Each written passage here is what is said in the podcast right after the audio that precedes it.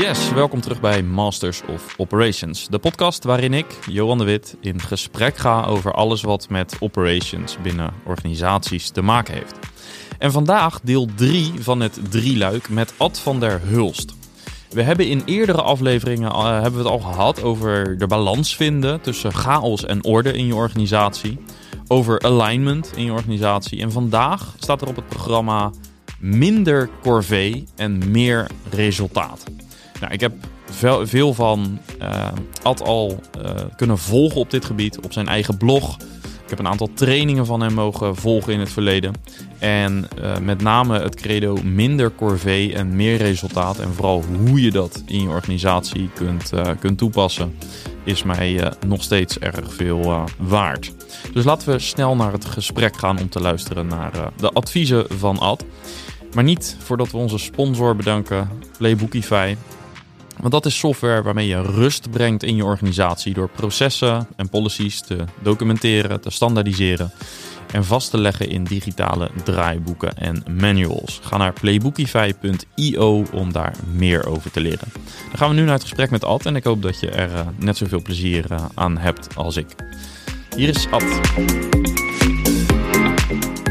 Ad, welkom weer. Hey, daar zijn we weer, Johan. ja, ja uh, twee eerdere afleveringen gedaan. Voor wie die nog niet geluisterd heeft, uh, luister die zeker terug. Uh, misschien zelfs eerst even voordat je deze luistert, omdat die een, misschien leiden of dienen als introductie. Vandaag het thema minder corvée, meer resultaat. Ik zou zeggen, wie wil dat niet? Nou, weet ik niet. Iedereen wil liever minder corvée en meer meer resultaat. Ja, ja. Um, dus dat is ook het, uh, het, thema, ook wel in het uh, verlengde van dus de vorige twee, uh, twee afleveringen. Um, ja, ik zou bijna aan je willen vragen, waar gaan we beginnen? Want hier zitten ook alweer een aantal subthema's in.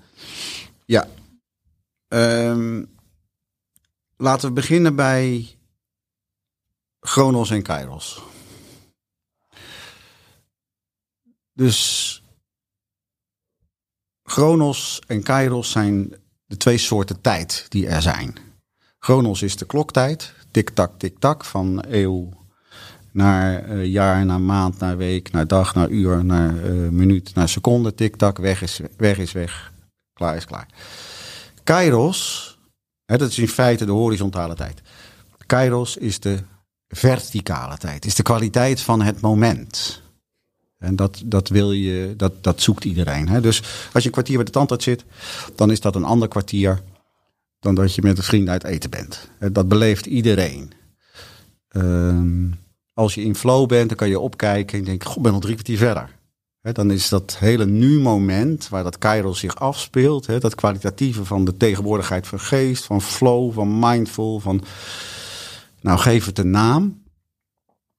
Uh, intuïtie soms ook, is opgerekt tot één lang moment. Want dan heb je drie kwartier lang ben je daarin geweest, in de zone. Hè? Geef het een naam, dat soort dingen. Uh, dus Chronos en Kairos, als je die op elkaar plot, dan krijg je dus een horizontale lijn en een verticale lijn. In het midden zit het nu. En dat is natuurlijk interessant. Je kunt op twee manieren jezelf uit het nu knikkeren. De ene manier is door nog bezig te zijn met iets wat er daarvoor gebeurde. Of alvast bezig te zijn met iets wat straks gaat gebeuren. Verleden ja. of toekomst. Ja, hè, dus vanochtend is de kat weggelopen of je moeder heeft gebeld, gaat niet goed met me. Ieder moment dat een klein beetje bandbreedte vrij is, in het nu, hup, zit je bij je moeder. Ja. Als je vanmiddag een hele ingewikkelde pitch moet houden, en ik heb ik het nou goed voorbereid? Zitten die dia's in een goede volgorde? Ik denk, oh, oh, oh, oh, oh, gaat, als dat maar goed gaat. Ieder moment, hup, trek je jezelf eruit. Daarnaast zijn er ook heel veel organisatiegewoontes die daarmee botsen. Als je van 9 tot 10, van 10 tot 11, van 11 tot 12 vergadert, dan creëer je dus rommel op het gebied van Chronos en Kairos. Want dat kan niet. Je hebt altijd attention residue die overloopt van 10 naar uh, eh, 1 minuut over 10. Dat, dat wil niet. Dus daar zitten nog heel veel dingen in. Dus dat is het ene beeld. Dus wat je nastreeft als het gaat over minder corvée, meer resultaat, is dat je in het nu bent, dat je dat als uitgangspunt neemt en dat je ernaar streeft om ervoor uh, te zorgen dat je zoveel mogelijk nu momenten hebt die Kairos kwaliteit hebben. Hè, die tegenwoordigheid van geest van jouzelf. Uh, dat dat lukt. Wanneer keeper je jezelf eruit als je dingen doet waar je geen energie van krijgt, die boring zijn, die, eh, hè, dus er zit allerlei dingen omheen. En dat is mijn grote woord corvée. Dat gaat voelen als corvée. Ja. En dan denk je van ja, zit ik dat te doen? Of ik kan het wel, maar ik wil het eigenlijk niet.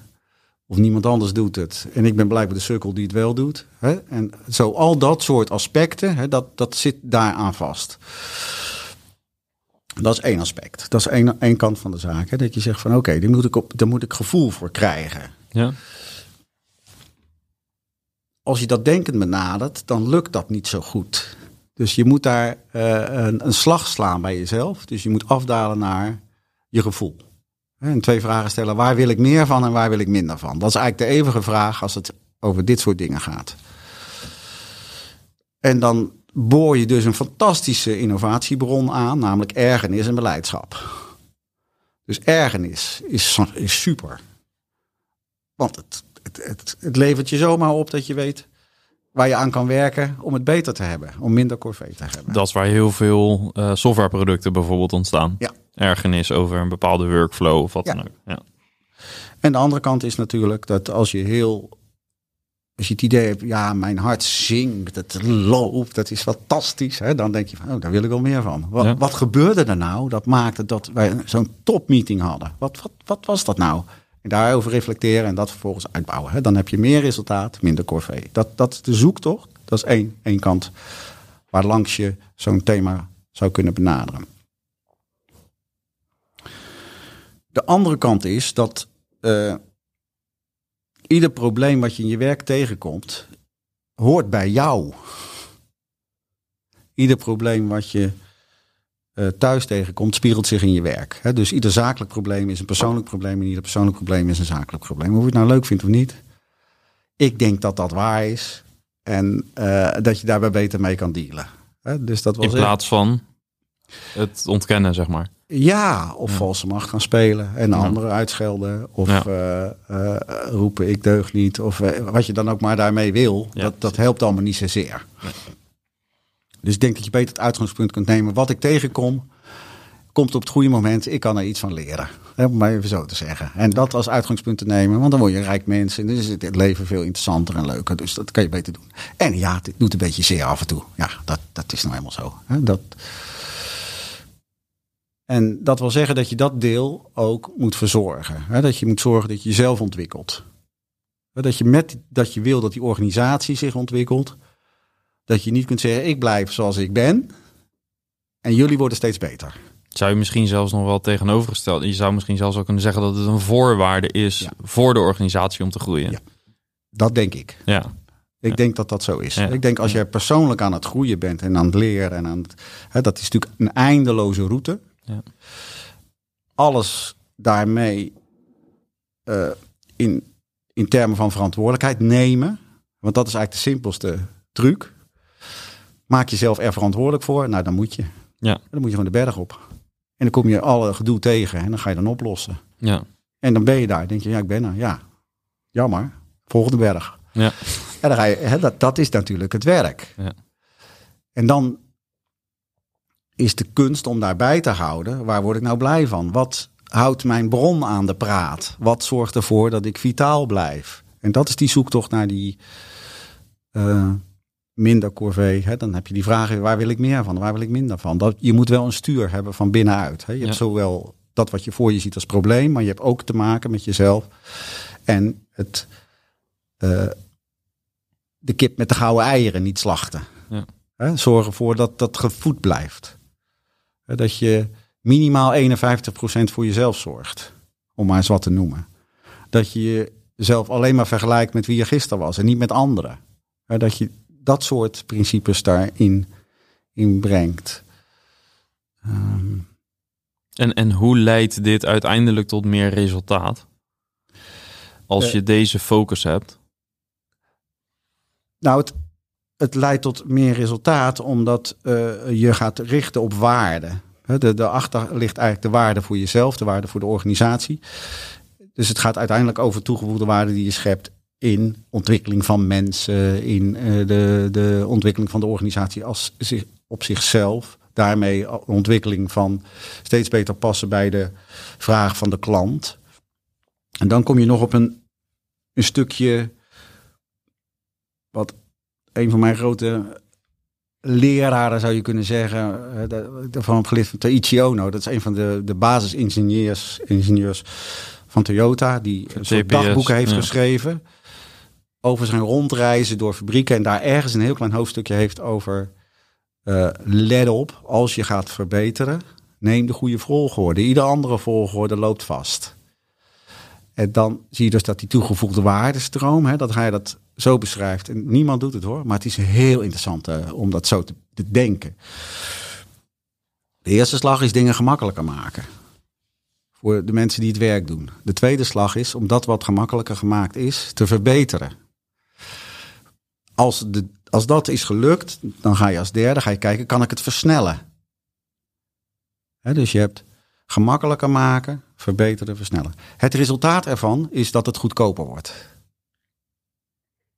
Terwijl er vaak misschien nagedacht wordt over hoe maken we het goedkoper. Terwijl de route naar goedkoper al ontworpen is. Ja, die is er. Ja. Je kan niet omgekeerd beginnen. Nee. Je kan niet zeggen, we doen het goedkoper. Dan gaat er iets fout. Ja. Is mijn stellige overtuiging. Hè, Ja. Van alles wat ik zie. Dus je kijkt naar de root cause en niet naar het. Ja, nou, maar ook dat je, eh, als je die medewerkers mee wil krijgen, hè, wat, in die, wat we in de vorige podcast ook bespraken, dan is de onuitgesproken drijfveer is ook wat zin is voor me. Ja. Als het het werk makkelijker maakt, als we het daarover hebben, wat maakt het werk nou echt makkelijk? Oké, dat, dat. En dan is de vraag, kunnen we het ook zo doen dat het nog beter wordt? Ja. Hè? Ja. En als het dan staat, kunnen we dan kijken, kunnen we het nog sneller doen? Ja. En ja, dan wordt het goedkoper. Nou ja, goed, dat is dan mooi meegenomen. hè. Ja. Dus er zit aan alle kanten zit er een waardeketen in die je daarmee organiseert, waardoor je meer resultaat krijgt. Dus dan heb je iets als stuurder, hè, wat je, eh, nou dan kom je weer op die taal en die cultuur en de manier waarop je erover nadenkt en het respect wat daarin zit en de lijn die erin zit, de consistentie. eh, eh, dat je jezelf ook daar inzet. Dat je Ja. ook aan het leren bent. Dat je je fouten toegeeft enzovoorts. Hè? Dus dan kom je nog, als, ik, als we nog even een één uitstapje maken. Dan gaat het natuurlijk ook over die persoonlijkheid. Van diegene die dat toneelstuk regisseert. Hè? Die COO of die Master of Operations. Dus toen ik daar ter voorbereiding een beetje over na zat te denken, zie ik eigenlijk drie dingen. Het eerste is eh, de wijsheid van Peter Vonk. Voor wie hem niet kent, zoek een keertje op, petervonk.com. Die dan eh, niet zomaar verzonnen, maar echt uit wijsheid opgedaan, uit eh, openbare orde en veiligheid assessments doen. Stelt dat er vijf ondelegeerbare eigenschappen zijn van mensen die op zo'n positie zitten. De eerste is ik-sterkte, dus ruimte innemen. Dat is natuurlijk logisch. Als je dat niet kan, dan gaat het niet goed. De tweede is empathie, dus luisteren. Kunnen luisteren, niet alleen naar wat iemand zegt, maar ook naar wat hij bedoelt. Dat is de, de empathiekant ervan. De derde is, als je dat gehoord hebt, ook kunnen zelf, eh, in jezelf in de spiegel kunnen kijken en zeggen: Oh, als dat zo is, dan heb ik het niet helemaal goed gezien. Hè? Dus je fouten toegeven, bijstellen enzovoort. Maar die twee andere zijn net zo goed belangrijk. Intelligentie. Je hoeft echt niet de slimste te zijn. Eh, maar je hebt wel een zekere intelligentie nodig om dit spel te kunnen spelen. Het is complex. Het heeft veel dimensies, het heeft veel lagen. Dus je moet daar wel iets mee brengen. En de laatste die hij verwoordt is eh, participerend leiderschap. Dus altijd gericht zijn op het betrekken van iedereen die uiteindelijk de gevolgen ondervindt van een bepaald iets. Dat je dat meeneemt direct. Hm. Anders heb je alleen maar de omweg. Dan moet je het uiteindelijk toch nog doen. Dus zorg ervoor dat je aan de voorkant veel tijd investeert in draagvlak cre- creëren. En eh, niet tot in het eindige, maar wel echt serieus daarmee bezig zijn. Dat, dat is ook een vermogen. Dat is, Ja. dat is één kant. Dus dat is één aspect. Dat is de, de innerlijke inrichting van die CEO als mens. Hè? En dat je daar kijkt. Wat, heb ik dat? Wil ik dat? Vind ik dat Ja. leuk? Kan ik het ontwikkelen? Kan ik Ja. het ontwikkelen? Ja. Er zitten wel echt ondelegeerbare kanten aan. Dus je- als je het helemaal niet hebt, dan wordt het lastig. Maar soms kun je daar wel weer dingen op verzinnen. Een andere kant is simpelweg dat je je eigen troep op orde hebt. Dat je gewoon eh, je e-mail in controle is. Gewoon inbox hero, niet zeuren. Gewoon je agenda in balans. Als je dat niet voor elkaar krijgt, dan spiegelt zich dat direct in die organisatie. Dit is jouw probleem. Van je, hè, jij bent de bottleneck. hè, dat, dat spiegelt zich natuurlijk door die hele organisatie. Ja. Met als gevolg dat er minder resultaat is. Ja. En dat, dat er allerlei spin-off ellende komt van dingen die stoppen, niet lopen, eh, blokkeren, te laat zijn. Nou ja, je kunt je zo voorstellen.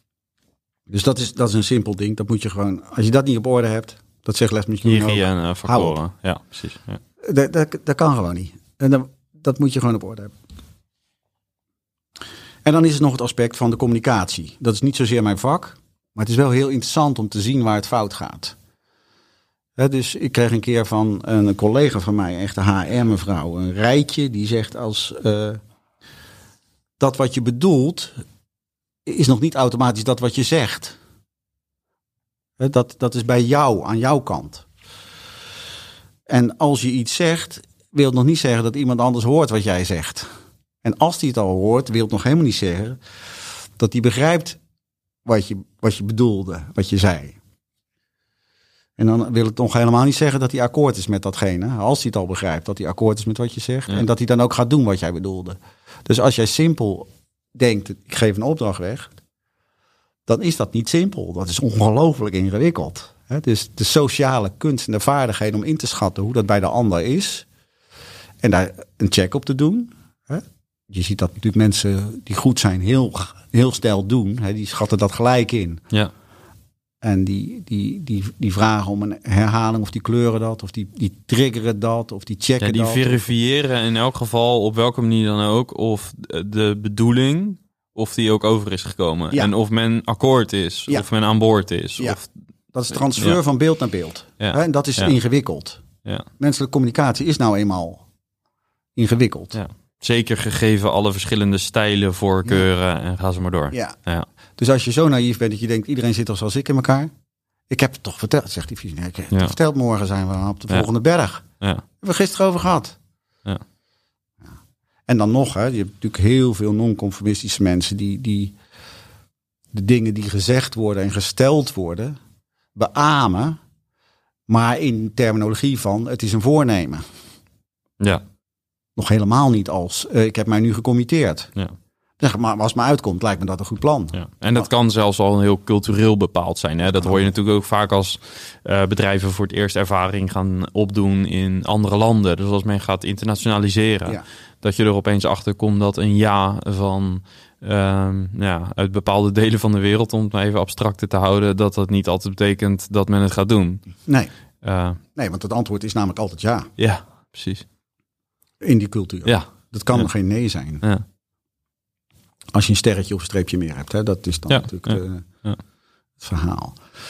Ja, dus dat, dat hele veld, hè, dat, dat is dus ook helaas weer complex. Het is multidimensionaal en het is dus ook de zoektocht om te kijken als je in zo'n rol zou willen zitten, of zo- of zo'n rol zou willen doen of daarin bent, dan kan je je spiegelen aan dat soort dingen. Hè? Kijken, waar zit dat nou? Dus ik gebruik expres het woord corvée, want het is een emotioneel woord. ja. Ja, dat, eh, je, je, je, je lichaam reageert er bijna Ja. op. Ja. Hè? ja. En eh,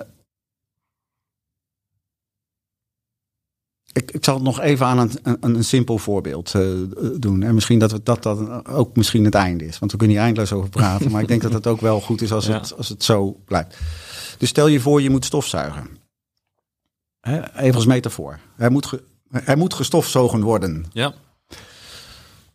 En je wil het niet. Wat is corvée voor je? Dan is natuurlijk de vraag, wat doe ik ermee? De eerste vraag is dan, moet het echt? Wat gebeurt er als ik het niet doe? Ja. Nou, dat kan me wel iets bij voorstellen. Dat, dat is toch niet zo'n goede strategie. Dat, dat kan je wel eh, twee weken doen, maar dan wordt het toch misschien niet helemaal handig. Oké, dan is natuurlijk de vraag, kan ik het automatiseren? Stofzuigen. Nou, dat zou wel kunnen, want je kan van die, eh, van die hondjes kopen en die gaan gewoon de hele dag rondknorren. ja. En dan hoop je dat, ja, nou, ik weet het niet. Dat is ook niet echt geweldig. Hè? Dus, want dat, die, die doen ook dingen die je niet wil. En het werkt ook nog niet eens zo lekker. Dus dat is ook misschien niet zo'n strategie. Dan kan ik het uitbesteden. Ja, dat kan. Ik kan het uitbesteden. Hè? Daar, daar kan je ervaring mee opdoen. Maar dan heb je ook kans dat je terugkomt dat er een soort zweetlucht in je huis hangt. Dat je denkt van, nou, is iemand anders in mijn huis is ook verstoord. Het is niet helemaal, ook niet helemaal goed dan kan uiteindelijk de conclusie zijn: het was corvée. Ik ga nu zeggen, het is geen corvée meer. Ik maak er een ritueel van. Ja. Dus wat doe ik? Ik zeg op zaterdagochtend eh, zet ik eh, de boekenrubriek op van eh, de, hoe heet het, van de Tros. Oortjes in. Goed hard dat ik die stofzuiger niet hoor. Ik ga mijn voornemen me nooit meer eraan te ergeren. Ik ga het hele huis door. Ik ga alles bekijken. En daarna neem ik de lekkerste bak koffie die er maar bestaat. Ik ritualiseer als het ware dat wat on, onontkoombaar onderdeel uitmaakt van mijn werk. Ja. En doe je ook nog iets volwassens en, en zinnigs. Hè? Dus ja, er zijn heel veel kanten aan zo'n soort onderwerp. Maar dit is, dit is een manier waarop je ook zou kunnen kijken als organisatie. Wat doe ik daar nou mee? Hè? Met, ja. ja, er moet stof gezogen worden. Ja. Hoe, hoe gaan wij daar nou mee om? Hè? Hoe, hoe doorwerken wij dat? De onvermijdbare corvée die Ja. je eh, nou ja, door dit soort strategieën toe te passen eh, niet meer als corvée gaat beleven en gaat zien. Nee, want dat is dan dat is verspilling. Ja. Als het moet, en je bent er echt van overtuigd, dan, dan is het, het, het, het voelen van een ergernis is verspilling. Ja. Nou, daar zou ik dan mee ophouden. Dan Ja. van nee, we moeten dat gewoon gaan organiseren. En we doen dat op de slimst mogelijke manier. En dan, eh, dan wordt het weliswaar nog niet eh topding, maar dan is het er wel. ja. Ja. Dankjewel weer. Ja, Je hebt zelf de afsluiting al aangekondigd. ja, ja ik denk dat dat goed is zo. Hè? Ja. Het is een mooie, Mooi drieluik geworden mooi zo. drieluik geworden. Ja. Ja. dat is leuk om te doen. Ja. Ja, dus misschien nog even eroverheen. Dus dat thema is enerzijds chaos en orde. Kan je daar in het midden iets aardigs doen? Dat is Ja. de dans van de CEO. Dat- balans vinden. de balans vinden tussen die twee. Daarbinnen zit je altijd te spelen met alignment. Hè, En dat is dat dynamiseren en stabiliseren ook op zich weer in zichzelf. Ook balans. In balans. zin. Ja. En als je naar jezelf gaat kijken, hè, dan ben jij het instrument om dat te realiseren. Dan ben jij ook in, eh, in een spiegel, zou je kunnen zeggen. Gebeurt er in jouzelf eigenlijk hetzelfde. En dan is de kunst, kun je daarmee dealen en kun je dat in verbinding brengen met dat wat daar speelt ja, in organisaties. dat is een mooie samenvatting. Bedankt dat je jouw kennis wilde delen. Ja. Eh, het is al een aantal keer genoemd, maar in de show notes eh, staan dus de resources die we genoemd hebben. Eh, onder andere Peter Vonk is voorbij gekomen en nou, nog een aantal Les andere ja. mensen. Les. Ehm, dus die staan in de show notes. Maar je hebt zelf ook een blog waar je frequent publiceert. Ehm, Adjust in Time. Als je dat even googelt, dan kom je eruit. En ook dat staat in de show notes. Ehm, voor, elke, voor alle luisteraars, eh, volg dat ook. Krijgt eh, elke week even een eh, pingetje van jou met de nieuwste inzichten. En zeker als deze thema's je boeien, is dat meer dan de moeite waard. Dus bedankt dat je, ja, dat is een vorm van giving back, heb ik het idee bij jou. Ja, ja, ik Ja. vind het heel leuk om. ja, er zit zoveel ervaring in. Ja? Dus dat, dat is ook wel leuk om dat een beetje aan te harken, te strijken. En dan op de een of andere manier proberen dat weer te verwoorden. Dus Ja. zo'n vraag van jou geeft dan weer de trigger om daar eens even over na te denken. En dat dan te kijken of ik dat weer kan verwoorden. Dus ja, dat is leuk om te doen. Dus dankjewel. mooi. Jij ook bedankt.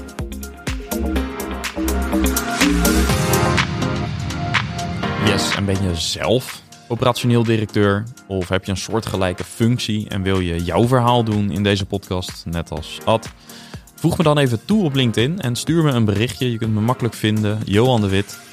En eh, ja, eh, dat is een route. Andere route is even mailen naar info at mastersofoperations.com. En ga ook eens naar start.mastersofoperations.com. De link staat in de show notes. Om zelf in contact te komen met andere operationeel directeuren om van elkaar te leren. En eh, op die plek kunnen we ook met elkaar in gesprek gaan over deze thema's. Bedankt voor je voor het luisteren en heel graag tot de volgende. Ciao!